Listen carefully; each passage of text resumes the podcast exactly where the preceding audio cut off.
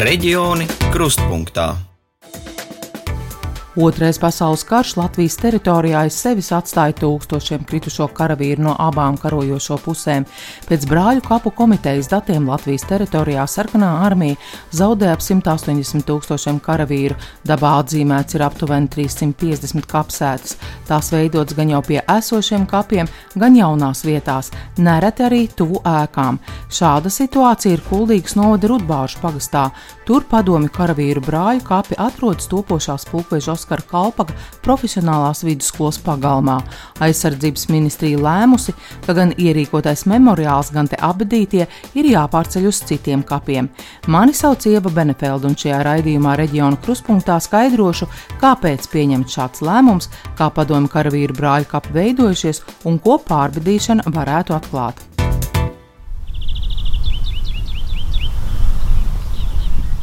No otrā pasaules karā kritušo padomju karavīru brāļu kapiem un rudbāžu mūžu, kurā pēc rekonstrukcijas darbosies pulkveža Oskara Kalpaka profesionālā vidusskola ar militāru ievirzi, šķir vien daži desmiti metru. Aizsardzības ministrija, kuras paspārnē skola atrodas, jau konceptuāli lēmusi, ka iestādes pagalmā kapsētai nebūtu jābūt tas ir no dažādiem aspektiem un primāri kopumā no mūsu tradīcijām arī tas, ka skolas pagalmā atrodas apbedījumi, nu, laikam nav īsti pareizi. Stāsta aizsardzības ministrijas valsts sekretārs Jānis Garisons. Turpat netālu atrodas sporta stadions, turklāt skolai tik tuvu esošie kapi traucē pilnvērtīgi izmantot pagalmu. Tādēļ Mēs esam uzsākuši procedūru, mēģinot tad eh, noteikt un vienoties par eh, tiem iespējamiem variantiem, kādā veidā šos te abedījumus varētu pārabedīt, nu, kādam pienāks kapsētu brāļu eh, kapiem. Un, nu, kas, kā jau parasti, tad ir jāsāk ar to, ka jāveic ir zondāžas darbi, jāievēro tas pārējais procedūras nepieciešams. Mums primāri tomēr ir jāvadās pēc mūsu Latvijas tradīcijām, kur guļ kruķiskai karavīri. Protams, mēs nokomunicēsim ar Krieviju šo jautājumu, bet nu, es nedomāju, ka tas būs tas izšķirošais. No padomu gadiem saglabājušies uzskaitas reģistri liecina, ka Rudbāžu brāļu kapu kompleksā abadīti vairāk nekā 130 kritušo. Kapi ir lielu koku ieskauti, te atrodas plāksnes ar kritušo vārdiem.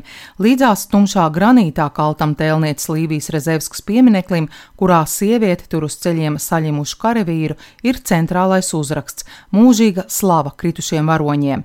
Memoriāla vidū plešas zāliens, neizdalot atsevišķas abadījumu vietas, tam apkārt ved bruģēts celiņš. Tuvākie brāļu kapi ir Nīkrātas pagastā, kurā ir nepilni 3000 karavīru. Piestājot pie brāļu kapiem Nīkrātas pagastā, te sagaida putnu čivināšana un lauku miers, kur ik pa laikam pārtrauc garām braucošās mašīnas, jo kāpi atrodas šoseis malā. Tas ir plašs kapu komplekss, kura malās ir izvietoti uzraksti ar kritušo vārdiem, tie sakārtoti alfabētiskā secībā pēc karavīru dienesta pakāpes.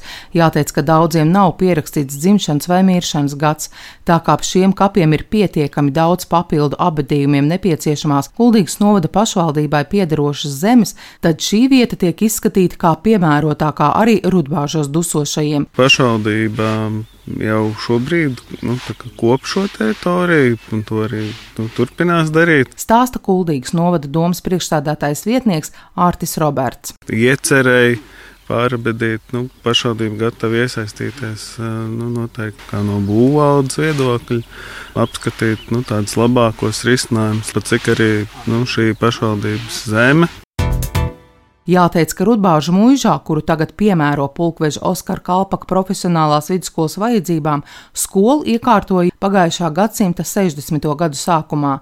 Tā pastāvēja līdz 2018. gadam, kad mazā skolēnu skaita dēļ to slēdza. Bijušais Oskara Kalpaka Rudbāžu pamatskolas direktors Dzintars Strauts, kurš skolu vadījis aptuveni 30 gadus līdz tās slēgšanai, atzina, ka ar kapiem sadzīvojuši. Sākoties atmodai, faktiski mēs visus 30 gadus skolēni gājām uz šiem kapiem absolūti. Tā nebija doma, ka mēs kaut ko svinam vai kaut kādu uzvaru pieminam vai kaut kāds okupants slavinām, bet vienkārši runājam par to, ka šeit ir krituši cilvēki, ļoti jauni cilvēki. kur varēja vēl dzīvot un tā tālāk. Stāstīja bieži vien, ka arī mans vecais tēvs faktiski ir karā kritis. Jā, viņš bija bēgļu gaitās Polijā ar ģimeni, un viņu būtībā tagad fronte pārgāja pāri. Krievija armija mobilizēja, un viņš arī būtībā mīra Polijā. Mēs viņu faktiski apiet, nezinu, neesam atraduši. Braukājām pa Poliju, meklējām, neatradām. Nu, sakot, tas ir tādas lietas, kas tur notikās līdz pēdējiem brīdim, kamēr skola tur eksistēja. Bijušais skolas direktors Dzinters Strauts atceras, ka brāļu kapi izmantot arī propagandas nolūkos, un arī tais gados vienotā pasākumā saistīti Rudbāžu un Nīkrācis brāļu kapi. 70. gados parādās jau šis piemineklis Lidijas Rezevskas, un uh, 80. gados tā lieta vēl plašās plašumā, jo tur faktiski sākās 9. maija tāda skrējiena Padomu Savienības varoņu Kuprijānova balss izcīņa, un teiksim, brauc cilvēku uz Nīkrāts, un tad apmēram stundu skrēja uz Rudbāžiem. Ja? Nu, principā no visas kurzemes. Un tas bija gandrīz visus 80. gadus. Rudbāžos un Nīkrācē brāļu kapu plānojums ir līdzīgs. Centrā Līvijas rezervskas veidot skulptūra, piemiņas vietas tādas, kādas tās redzam šodien, ierīkotas pagājušā gadsimta 70. un 80. gados. Abas arī nav pirmā bedījuma vietas, stāsta Latvijas kara muzeja vēsturnieks Roberts Sipenieks. Abiem šiem brāļu kapiem, šajā gadījumā Nīkrāces liekņu kapiem, un Rudbāržu brāļu kapiem, kas atrodas pie Rudbāržu mūžas. Stāsts ir salīdzinoši vienkāršs. 1944. gada novembra beigas, decembra sākums šajā frontes sektorā ir smagas kaujas, kur rezultātā šis kara upuru skaits ir liels. Abas šīs kapsētas, nav kā pirmapbedījumi. Šīs kapsētas ir veidotas īsi pēc kara tajā brīdī, kad aktīvās kaujas ir beigušās, no tām kapsētām, kur šie karavīri ir apglabāti kā pagaidu, šie karavīri tiek ekshumēti un pārabedīti uz šīm brāļu kapsētām. Šis periods ir 1945. gads līdz pat 1960. gadi, jo nu, viennozīmīgi arī pārējā Latvijas teritorijā tas nenotiek ļoti labi organizēti. To mēs redzam gan praksē, kad šīs kapsētas ir vairāku gadu laikā veidojušās. Īsi pēc kara un kara periodā to dara pašas uh, padomju karavīru vienības, bet tajā brīdī, kad karš ir beidzies, to nu, būtībā tiek norīkoti uh, darīt vietējie iedzīvotāji. Tad šie vietējie iedzīvotāji braukā pa šiem kaujas laukiem, vāc šos kara upurus. Vēlākā laika posmā mēs varam runāt par 1950. un 1960. gadu periodu.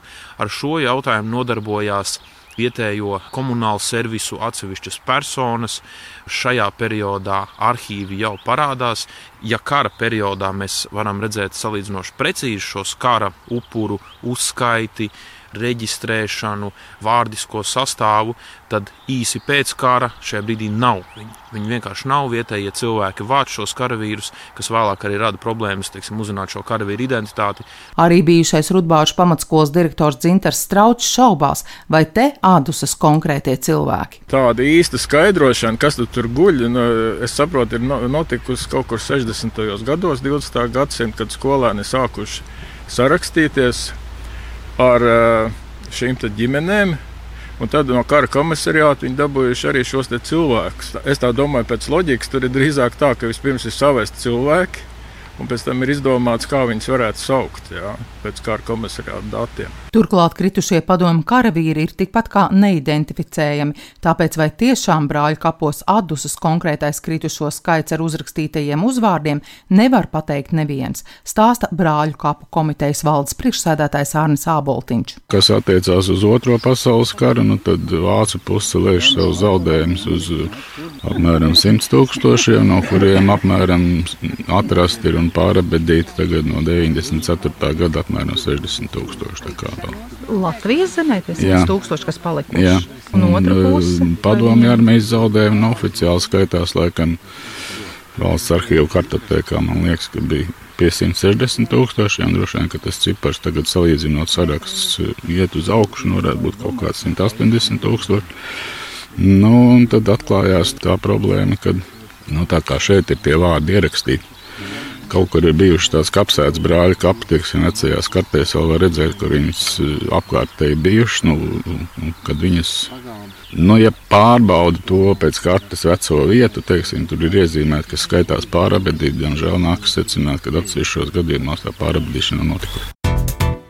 Latvijas kara muzeja vēsturnieks Roberts Sipenieks neslēpj, ka atklāti arī gadījumi, kad 50. gados no pirmabedījumiem pārbedīti tikai puse kritušo. Tie iemesli var būt dažādi. Vai šis cilvēciskais faktors, kad virsējā kārta, tad, kad šis pirmabedījums tiek atrakts vaļā, eh, jāsaprot, ka tas tika darīts neilgi pēc kara, eh, jāņem vērā šis saturs kapa, kāds viņš tajā brīdī bija, es droši vien nekomentēšu.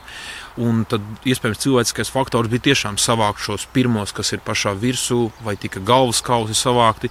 Tāpēc mēs arī mūsdienās ļoti daudz redzam šīs neatbilstības. Ne tikai padomju abidījumos praksē parādās arī tādi gadījumi, kad uh, vācu konkrētu kapsētu ar konkrētu skaitu, ekshumējot šis skaits ir mazāks. Vēlāk izpētes rezultātā mēs noskaidrojam to, ka tajā brīdī, kad 50. gados tiek pārabedīta padomju kapsēta, tad skaits ir pietrūcis uh, par mazu, to mēs informāciju iegūstam, un izrakt arī šie vācu karavīri un pielikt viņiem ir klāt. Diemžēl tādi gadījumi arī ir. Visas iesaistītās puses atzīst, ka karavīru ekshumācija Rudbāžos varētu atklāt pavisam citu ainu nekā līdz šim uzskatīts, tomēr par reģistriem cilvēkiem ir liela interese, stāsta Nīkrāts pagastu pārvaldes vadītāja Ilona Rītiņa. Te glabājas padomu laikos veidota grāmata, kurā ir ziņas par visa toreizējā Kuldīgas rajona brāļu kapiem, bez jau pieminētajiem Nīkrācē un Rudbāžos, Kuldīgā 78, Alsungā 14, Skrundā 30 kritušie. Mēs šajā grāmatā pēdējā laikā diezgan bieži ieskatāmies, jo ir zvans no citām valstīm ar jautājumu, vai pie jums tajos brāļu kapsētā guļ tāds un tāda persona. Tad es ņemu, protams, grāmatu priekšā un eju cauri.